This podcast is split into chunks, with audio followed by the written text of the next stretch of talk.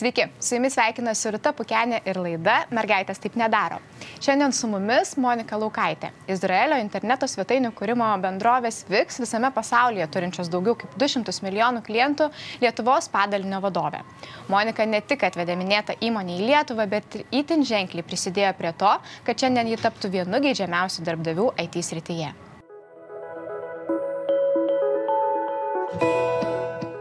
Sveiki, Monika. Sveiki. Monika, jūsų pasiekimai IT srityje tikrai labai įkvepiantis, bet pradėkime nuo pačių pradžių. Gal galite prisiminti, koks buvo pirmasis jūsų susidūrimas su tech? Tai Wix, kur šiuo metu dirbu, galima pasakyti, tas buvo pirmasis rimtas susidūrimas su šios sektoriumi ir lemtingas, nes, nu, nenoriu keisti tas sektorias ir už tai, kad tai yra įdomu, kad tu supranti, kad keiti žmonių įpročius, O pradžia, aišku, irgi buvo žalia, nežinau, kas skiriasi ten frontendo, backendo programuotojai, kaip veikia šis pasaulis, bet tiesiog norėjau, norėjau mokytis ir turėjau pasitikėjimą iš fiks akcininkų, kad išmoksiu. O kada supratote, kad tai jūsų dalykas? Ar nuo pat mažumės domėjotės inovacijomis, naujovėmis? A, tai kaip, kaip ir minėjau, kai pradėjau dirbti Wix, tai galima sakyti tokia ta meilė iš pirmo žvilgsnio. Bet e, nebuvau nuo mažens ugdoma su technologijomis ir mano tėvai skatino domėtis viskuo, menu, sportu, krepšiniu. Ir vaikystėje iš tiesų lankiau tiek daug burelių, kad neturėjau laiko kompiuteriniam žaidimams. Net brolis, tas, kuris būtų atrodytų jaunesnis, ten turėtų žaisti, net ir tas lankė tiek tų burelių, kad neturėjo tam laiko. laiko. Ir kaip, kaip ir kaip visi tikriausiai normalūs vaikai, buvau aktyvus ir dalyvavau visur. Ir beje, vertybė šeimoje buvo, kad daug keliauti. Ir pas mus tokia buvo sustarimas, kad jeigu nori keliauti, turi prisidėti savo santaupomis.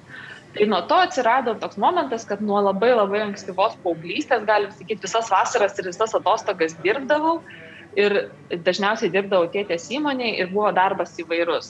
Ir koks ten tas pirmasis darbas tikrai neatsimenu, bet yra ten tų buvę ir, ten, ir, ir buhalterijoje, va, viena iš kur tikrai gerai atsimenu, tai reikėjo per vieną vasarą suvesti kažkokią naują buhalterinę programą sąskaitas. Nu, tai iš tikrųjų, sakau, nebuvau ugdomas su technologijom, nebuvau ugdomas inovacijom, bet buvau ugdoma, kad prisimti atsakomybę, prisimti, ką tu darai, jeigu nori, jeigu nori kažką gyvenime pasiekti, reikia dirbti. E, jūs užsiminėt, kad nuo paauglystės išbandėt labai daug skirtingų darbų, bet vis dėlto Lietuvoje mes dar turim problemą, kad neretai 18, pasir... 18 metų pasirinktas karjeros kelias neįsvertinamas kaip teisingiausiai. Kai žmonės keičia profesiją, persikvalifikuoja, dažniau sulaukia būtent tos aplinkos spaudimo, nepalaikymo. Kaip manote, su kuo tai susiję? Ką reikėtų daryti, kad į tokius atvejus žiūrėtumėm kitų žvilgsnių? Tai, kaip minėjau, va, dirbau tėčio statybos sektoriaus įmonėje ir darbų turėjau įvairių. Ir beje, tikriausiai tėtis tikėjosi, kad kažkada ateisiu į tą verslą, bet man norėjosi paklaidžioti ir paieškoti savęs. Ir ačiū tėvams, kad nesmerkiu. Nes vis dėlto ypač, vat, kaip ir paauglystėje sakote, nu, labai svarbus tas yra tėvų artimųjų palaikymas. A, ir, nu, ir mano nuomonė, kad tik tai turėdami skirtingų darbo patirčių, tų paklaidžiojimų vadinamų, tų skirtingų kelių, mes galime atrasti, kas mums patinka. Ir net ir aš esu pati keletą tokių padarius. Pradėjau mokytis, pradėjau mokytis, atsimenu, teisėje studijuoti po pirmo kurso, čia buvo mano antras bakalauras, nekivaizdinis, nutariau pasimokyti, tai pajutau, kad ne, ne, ne, nenoriu. Tai aš tai sakyčiau, kad buvo bandymų ir klaidų kelių mes galime atrasti, kas mums patinka ir svarbu yra tas tėvų palaikymas. Ir beje, man visai patinka vienas dalykas iš Izraelio, a, tai kad tikriausiai gal ir žinot, gal ne, tai vad po mokyklos jie ten eina visi į armiją, jie pasirodo armiją užsidirba kažkiek pinigų ir dažnai pusiai metų prieš stodami į universitetą, pas juos yra tarsi tradicija išeiti su kuprine po kažkurį žemyną, ten dažniausiai renkasi Aziją ir Pietų Ameriką, nežinau kodėl, bet nes tikriausiai pigiau keliauti. Ir aš manau, kad jeigu mano vaikai kažkuris sakys, mama, aš dar nežinau, ko noriu būti, ir po mokyklos aš dar nenoriu iš karto stoti į universitetą ir metus noriu ten pabandyti kur nors padirbti, man tai atrodys, kad tai yra visiškai normalu. Ir ten metus padaryti tą gapą, vadinamą career gap, ar ten, nežinau, prieš studijas, nežinau kaip ten vadinasi tiksliai, bet man tai atrodo, kad tai yra būtent tai, kas po to padeda atrasti, ko tu nori. Bet čia labai drąsu mesti viską, išeiti su kuprinė kažkur į niekur tikriausiai. Jūs ir pati užsiminėt, kad iš pradžių stojate teisę, na tokį klasikinį atrodytų kelią. Tai taip, drąsu, aš iš tikrųjų pirmą stojau į, stojau į ekonomiką, po to galvojau, kad man mažai reikia dar teisės, bet e, taip, aš manau, kad yra drąsu ir sakau, labai labai svarbu šitoje vietoje tėvų laisvumas. Nu, nes jeigu tu tikrai patirsi didelį spaudimą iš aplinkos, tai tau bus kaip pačiam priimti sprendimą labai labai sunku. Bet, bet ar nėra taip, kad mes patys savo kartais keliam labai didelius lūkesčius ir tas standartinis kitų sudėliotas kelias, na iš tiesų yra mūsų tas kelias? Pritariu. ir to laisvumo, nes man tai toks suprantu, kad vieneri metai, jeigu iš principo to gepo, mano nuomonė yra, kad e, jeigu tu padarai tą, paieškai savęs vienus metus ir tu po to dirbi visą gyvenimą, tai kas tau patinka, yra daug geriau, negu tu ten susidar, pradedi dirbti, supranti, kad tau nepatinka ir ten vis tiek supra, iššoki tas rogės ir tu nebeturi to išėjimo. Ir tu ateina 40 metų ir tu supranti, o ne, vis dėlto norėjau būti, nežinau, gydytoja, programuotoja, dar kažkas, o vis dėlto sėdžiu ten kažkokiam savo sektoriui. Tai turbūt tokių istorijų esate ir pati asmeniškai sutikus, kadangi dirbate IT įmonėje, tai turbūt turite ir ne vieną sėkmingą pavyzdį, kokius ryčių specialistai galiausiai pasuka į tech. Gal galite tokiais pavyzdžiais pasidalinti, na, konkrečiamis istorijomis? Tai pirmiausia, ta tech sektorių, e, čia nekartą girdėjau ir pas jūs laidoje diskutuota, nu, tai nedirba tik techniniai žmonės, ne tik programuotojai. Yra ir UX, tai vartotojų patirties dizainerių, ir produkto vadovų ir taip toliau. Ir yra tokių žmonių, ne, kurie nemoka programuoti, kaip aš. Ir iš tiesų iš šitą sritį tikrai ateina daug e, iš įvairių sričių, pakeitusių karjerą. Čia šitoje vietoje visiškai nėra ribų. Ir yra kolegų, kurie, žinau, kad studijavo muzikos ir teatro akademiją. Yra, kurie pradėjo dirbti kaip architektais. Turime, kurie ten po Women Go Tech programos pakeitė savo merginų, kurios po Women Go Tech programos ir vėlgi prisijungė prie mūsų. Tad šitoj vietoj sakyčiau, kad visiškai ribų nėra. Bet mes nuolat girdime, kad programuotojų Lietuvoje trūksta. E, o jūs savo ruoštą esate pasakojusi, kad verslininkams Lietuvoje vis dažniau kliūna tai, kad norint pradėti čia kurti verslą, be galo sudėtinga rasti ir profesionalų, kurie žinotų, kaip produktą parduoti ir kodėl žmonės bus laimingi įpirkdami.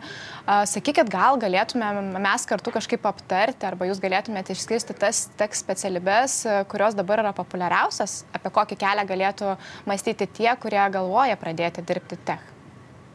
Mhm. Tai pirmiausia, Lietuvos rinka yra maža. Ir tada, va, tie, kur jūs tą kalbėjote, kurį čia užsiminėte, tai kažkada kalbėjau apie produkto vadovus, kad Lietuvoje jų nėra daug, kurie suprastų globalią rinką. Uh, bet iš principo, kaip minėjau, ne tik programuotojai dirba ir turime įvairių sričių ir aš manau, kad uh, iš principo tai yra niša šita rinka, nes pati rinka pati greičiau vystosi, negu beje spėja tikriausiai universitetai paruošti specialistus, spėja žmonės persikvalifikuoti, nes ir tai vystosi greičiau ne tik Lietuvoje, visame pasaulyje. Ir tas toksai paklausa netitinka pasiūlos, čia jau yra, nežinau, jau, jau, tikriausiai dešimtmetis. Ir kaip aš minėjau, kad labai yra fainai, kad yra atsirandančių žmonių, kurie nori pakeisti tą savo sritį, pagilinti žinias, atlikti vairias praktikas, ten akademijas palankyti, padalyvauti tokiuose programuose ir persikvalifikuoti į tokias specialybės kaip produkto vadovas, kuris uh, padeda vystyti tą patį techninį produktą. Ir taip, Lietuvoje daugėja tų lietuviškų startuolių, produktinių, technikų, tarptautinių ir lietuviškų kompanijų. Ir manau, kad tokios rytis kaip produkto vadovas, UX, visi techniniai analitikai, tai yra tikrai ne, nemažą potencialą turinčios specialybės. Kalbant apie tą Lietuvos rinką, tai sakau, čia labai, man lengviau kalbėti nuo, nuo mūsų kompanijos, a, bet aš tikiu, kad produktinėse kompanijose visos yra panašus poreikis. Ir šitoje vietoje tiesiog norėtųsi paskatinti žmonės, merginas irgi taip pat, taip išskyriau, net ne, nežinau, ne, pačiai negražu, visus, visus, nebijokite atlikti praktikų ir dažniausiai atveju, jos beje IT sektorėje yra apmokamos. Ir uh, apturėkit, pabandykit keletas ryčių, nes tikrai, produ, žinau, kad pabandė produkto dizainą, po to nuėjo į produkto vadovus, Tai manau, kad čia yra tikrai didelė niša, kur jeigu tu domiesi technologijomis ir tau yra įdomu, tai tikrai atrasi savo tą vietą šioje rinkoje. O kokių dar savybių reikia, norint dirbti toje tekstrityje? Išvardinot specialybės, bet gal galėtumėt papasakoti ir apie tai, ką labiausiai atsižvelgiat rinkdamėsi būsimus darbuotojus. Iš viso sunku ar lengva Lietuvoje pildyti savo komandą? Tai labai kompleksiška. Pirmiausia, apie tas atrankas kalbant, tai jau jų yra, pas mus yra daug etapų ir tikrai labai labai daug atsižvelgiama. Pirmiausia, aišku, žinias, norą aukti, norą mokytis, norą dirbti ir galėjimą dirbti su globaliom komandom ir culture fit. Ir, kaip minėjau, iš principo tų techninių žmonių trūksta visame pasaulyje. Čia šitoje vietoje nėra, nesame šiek kažkokia Lietuvoje arba Vux kompanija kažkokia skirtinė. Uh, O kalbant apie tą, e, taip sakant, susidurėm tais iššūkiais. Iš kitos pusės, manau, kad kaip Lietuvos rinkoje tai visai neblogai mums sekasi. Šiandien dienai turime, man atrodo, 270 darbuotojų, iš kurių vien šiais metais prisijungė virš 70. Tai ir tarkim, kalbant per pastaruosius metus, jeigu taip paimta pernai rūčių, tai 40 procentų mūsų kolegų yra atėję per pastaruosius metus. Tai augimas yra didelis tikrai ir e, galima aukti, nėra, kad čia kažkas e, drastically drastiška, kad čia netrasim tų žmonių, bet tam aišku reikia skirti nemažai dėmesio ir e, to pačiu vat, ir edukuoti žmonės. O kaip yra su darbuotojomis moterimis? Kokius išskirtinumus čia esate pastebėjusi? Oi, ta tema, kur, kur, kur atsidus norisi. Tai tai kaip ir Lietuva, taip ir užsienė. Nu, nėra tų merginų daug, ypač R&D, ypač tech sektoriuje. Ir čia yra faktas. Ir um, manau, pirmiausia, reikėtų pradėti nuo auklėjimo, auklėjimo vaikų, kad maža mergaitė tai yra, nereikia ne tik, kad yra graži, bet ir yra, gali būti ir protinga, ir domėtis technologijomis. Ir manau, kad visa, visa edukacija mokykloje, manau, kad tas kompiuterinio raštingumo, taip galim pavadinti, pamokos turėtų būti, nežinau, nuo darželio, nuo mokyklos, nuo pradinukų. Ir kai jau, ir manau, kad kai jau pradedi, įeini į tą rinką, kai tu pradedi dirbti šioje rinkoje, kad ir esi mergina, šitoj vietoj skirtumų nebelieka. Tai yra, manau, yra ta esmė, kad nėra, nu, nėra, yra mažai merginų pasirenkančių eiti į šią rinką. Bet jau kai tu įeini į ją, tai čia jau skirtumų nebelieka ir jau tada yra svarbu tas tavo profesinis augimas, ar e, kaip, tu, kaip tu pati nori ir tikrai čia šitą vietą skirtumo, tikrai, bent jau aš tai nepastebėjau. Ir yra merginų, kurios yra ir gildijos vadovė pas mus ir ten stiprių programuotojų. Tai va, bet manau, kad yra didžiausias liūdėsys, kad yra per mažai ateinančių studijuoti šią specialybę ir pasirenkančių eiti į šį sektorių. Kaip manot, su kuo tai susiję? Ką reikėtų daryti, kad ta situacija pasikeistų? Tai kaip ir minėjau, pirmiausia, nuo tikriausiai pradedant nuo stereotipų e, šeimoje, e, kad, kad e, kaip ir minėjau, mergaitė ne tik graži, bet ir protinga ir žinanti ir galinti iki edukacijos mokykloje. Vat, pavyzdžiui, va, tokių laidų, kurios vyksta. Labai džiaugiuosi. Aš irgi labai džiaugiuosi, kad sutikot pasikalbėti ir pasidalinti savo patirtimi. Ir kartu dar norėjau paklausti, na, mes kalbam apie mitus, stereotipus, sakot, kad e, jų iš tiesų yra daug, kol tu ateini į tą tekstritį, po to jų sumažėja, bet o jums pačiai, kada teko dėl to, kad esat moteris ir dirbate tek, susidurti su iššūkiais, e, išgirsti kažkokių stereotipų, mitų apie save? Tai bet koks mitas, tai reiškia, kad tu turi nepakankamai merginų savo komandą. Čia yra mano požiūriu pagrindinis dalykas. Ir aš jau aštuonerius metus šitam sektoriuje ir iš tikrųjų nepatikėsit, nesulaukiau nei vieno ten kažkokio iššūkio, susidūrimo, incidento.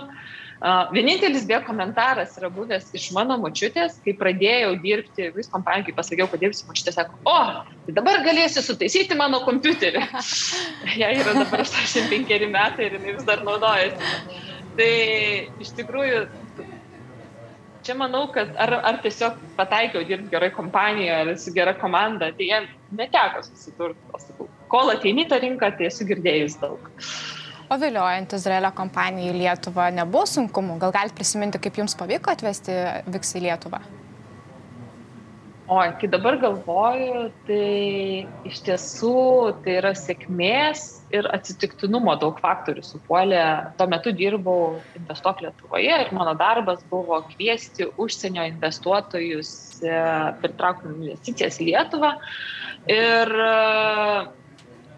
VIX akcininkas jau, pagrindinis įkūrėjas, turėjo kaip tik kalbėti loginę, startupie, jisai vėlavo į skrydis, pavėlavo, bet turėjo smagų vakarą, kurį teko man su juo susipažinti. Ir jisai pažadėjo, kad sako, aš grįšiu ir atsivešiu komandą, nes man čia Lietuvoje žiauriai fainai, sako, jūs labai tokie Jis sako, pažiūrėk, ateini, viskas tvarkinga, net atėjom į kavinę, sako, žiūrėk, net gėlė padėta ant stalo ir kaip gražiai, ten labai, neatsimenu, kuri ten kavinė buvo, bet sako, net gražiai, žiūrėk, kaip viskas sudėliota iš dizaino prasme. E, ir iš tikrųjų, po to pirmo vizito jų viskas vyko labai greitai ir manau, kad net Lietuvos istorijoje tai vienas greičiausių investicijų priimtų sprendimų, nes nuo pirmo to komandos vizito iki, prie, iki skambučio Monika, taip mes darysim Wix R&D padalinį Lietuvoje, praėjo gal nežinau, pusantro mėnesio. A, ir, ir labai toksai buvo, toks sako, žiūrėk, mums patiko Lietuva ir mes norime tai, ką tu pardavėjai apie Lietuvą, jeigu galim sakyti, tai pardavėjai, įrodytum, kad tai yra tiesa ir padėtum įsteigti Lietuvos R&D padalinį.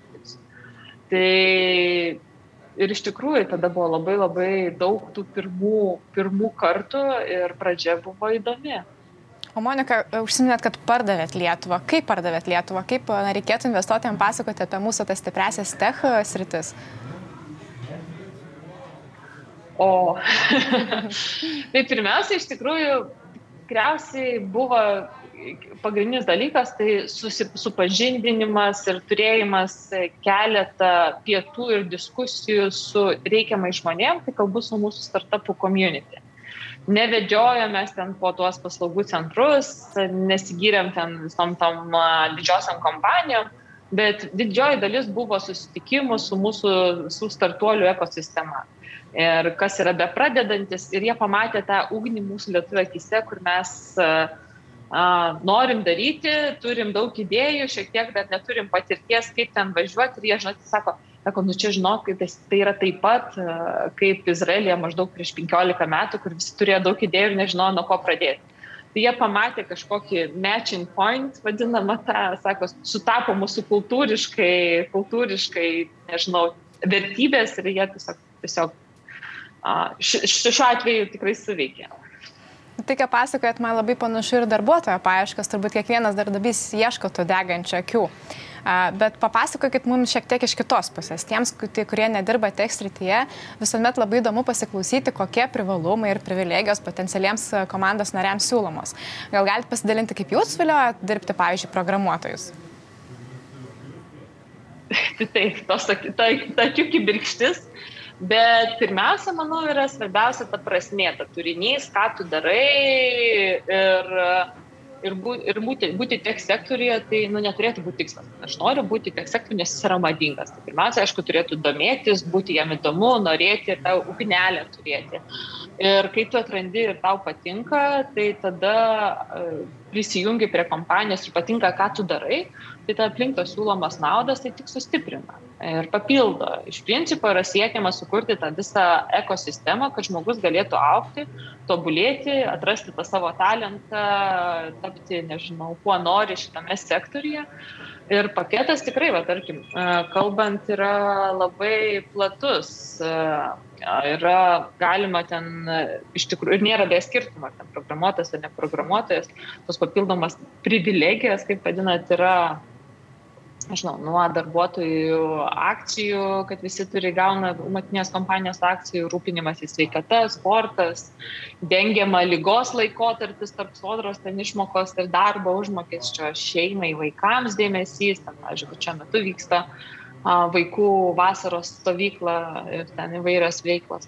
Tai sakyčiau, tai yra tiesiog e, sukūrimas ekosistemos, kad žmogus jaustųsi gerai ir galėtų aukti ir tobulėti. Aišku, dar labai svarbu tas sukurti erdvę, kad galėtų mokytis ir aukti, nes vis dėlto technologijos dažnai keičiasi. Ir jeigu tu gali a, nuolat skirti laiko savo tobulėjimui, tai manau yra ypač svarbu šiame sektoriuje.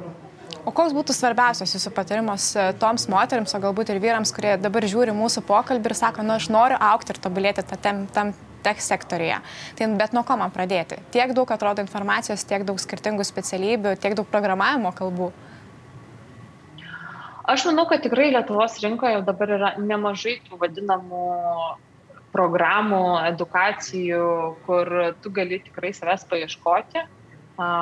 Galim, galite net neužsiciklinti, kaip minėjau, yra tų įvairių praktikų, kad pradėti, nežinau, nuo analitiko, jeigu yra, nes vis tiek tarkim, jeigu tu dirbi kažkur kažkokia, ten, nežinau, kitoje industrijoje, kokius duomenimis, tai tau tikriausiai bus įdomiau, lengviau pereiti, pradėti nuo kažkokio analitiko ir po to pereiti dar kažkur. Tai atrasti artimiausią savo sritį tech sektoriui ir po to ten jau galėsi plaukti, tik tai parodyk norą. tai, tai šitoje vietoje tiesiog pradėti, nebijot. Tai ačiū Jums labai, kad pasidalinot savo patirtimi ir patarimais. Aš tikrai tikiuosi, kad na, daugiau moterų išdrys ir nebijos ateiti į tą tech sektorių. Ir aš tikiuosi. Ačiū, kad pakvietė. Ačiū Jums už pokalbį. Ačiū Jums, kad buvote kartu su mumis. Padėkoti taip pat norėčiau mūsų projekto rėmėjų ir ambasadoriui Baltic Amadeus. Iki kitų susitikimų.